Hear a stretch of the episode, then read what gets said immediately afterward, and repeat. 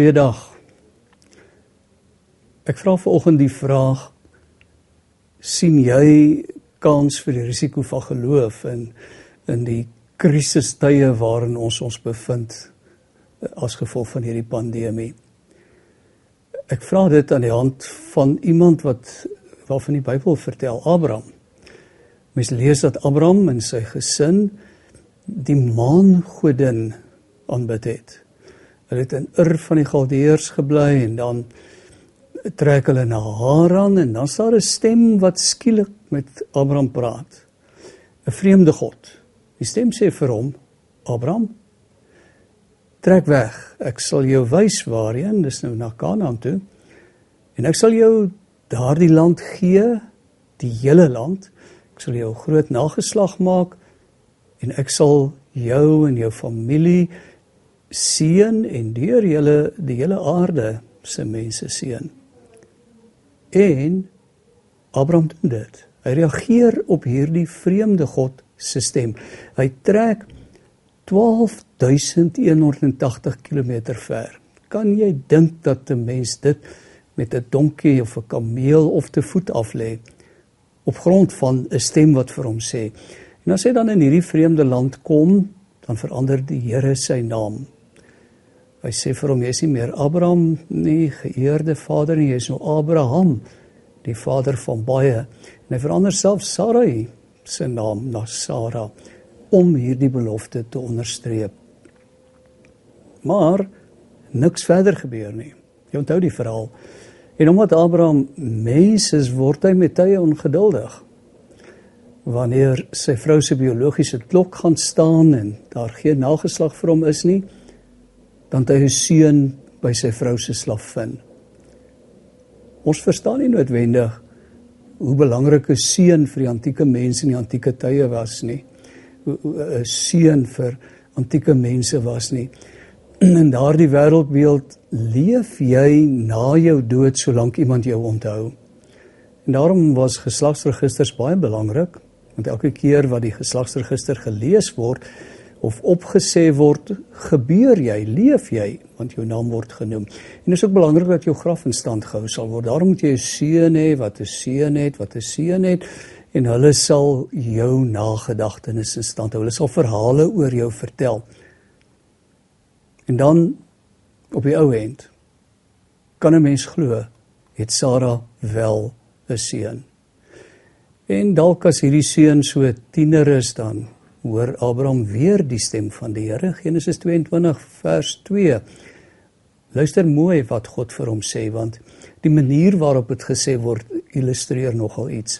God het vir hom gesê vat jou seun jou enigste seun Isak wat jy liefhet en gaan na die landstreek Moria toe en offer jou seun as 'n brandoffer daar op een van die berge wat ek vir jou sal aanwys. Abraham jy hoef nie 'n fout te maak nie. Ek sou vir jou presies sê wie jy moet gaan offer. Jou enigste seun. Jou enigste hoop. Die een wat jy liefhet. Wat sou jy doen gegee dieselfde omstandighede? Daarom praat ek vanoggend oor die risiko van geloof. As die seun Abraham op pad na die berg Moria waar sy pa offer gaan bring vir sy pa vra waar's die offerlam? Dan sê vers 8 my seun God sal sy eie offerlam voorsien. Ek weet nie van jou nie maar onbeantwoorde gebede spook met tye by my. Here jy het dan beloof Johannes 14 vers 13 Jesus wat julle ook al in my naam vra sal ek doen sodat die Vader deur die Seun verheerlik kan word. As jy my iets in my naam vra, sal ek dit doen. Hoekom gebeur party van ons gebede nie? En dit stel natuurlik die vraag aan ons, wat is die gehalte van ons geloof as ons dit met die van Abraham vergelyk? Ja, ek weet COVID-19 het baie uitdagings in mense se lewens ingedra. En jy is dalk ook 'n slagoffer van een of meer daarvan laer rentekoerse wat veroorsaak dat as 'n mens van beleggings leef, jy al minder geld uitkry. Daar was 'n paar maande sonder salaris. Daar's baie mense wat 'n kleiner salaris kry, 'n derde, selfs helfte minder. Daar's mense wie se pos op die spel gekom het. En daar's dan natuurlik mense wat klaar hulle werk verloor het. Watter verskil maak geloof nou as dit met 'n mens gebeur? Gaan geloof die krisis oorleef? Vertrou jy dat God sy eie offerlam sal verskaf? Abraham sien dit natuurlik. As hy sy hand uitsteek om sy seun wat hy op die altaar reeds vasgebind het dood te maak, dan staan daar 'n stem wat sê Abraham, kyk bietjie daar een kant. Daar is die offerlam wat God voorsien het.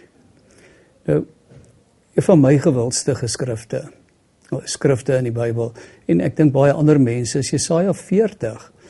Nou wie op die Here wag, kry nuwe krag, maar maar Jesaja 40 se argument begin so in vers 27. Waarom sê jy dan Jakob? Waarom kla jy Israel? Die Here sien nie raak wat van my word nie. My reg gaan by my God verby.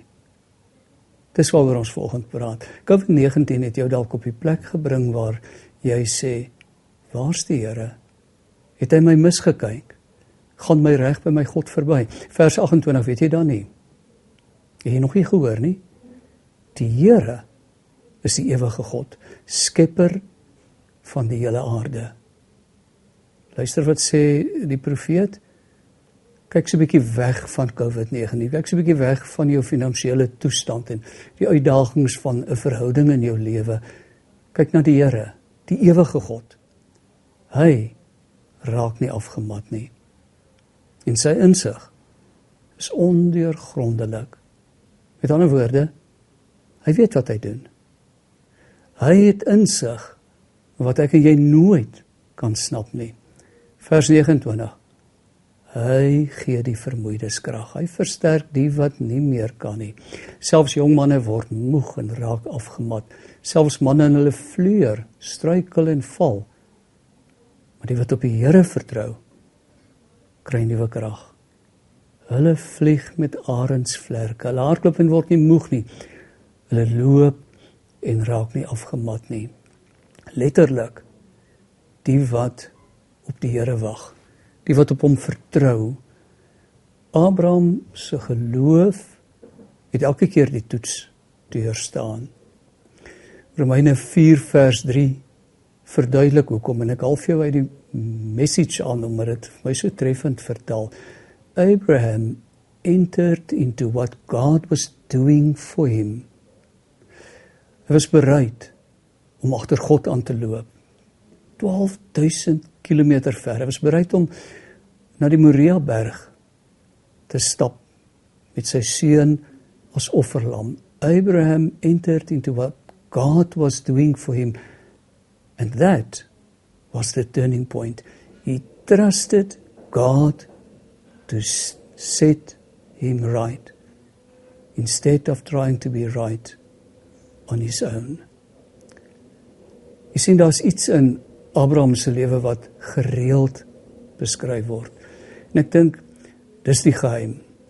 Ook van alle ander geloofshelde waarvan ehm um, Hebreërs 11 ook vertel. God het hom ontmoet. Hy het gemeenskap met die ewige God gehad. Hy het met God gepraat en hy toegelaat dat God in sy lewe inpraat. Abraham het gewag op die Here.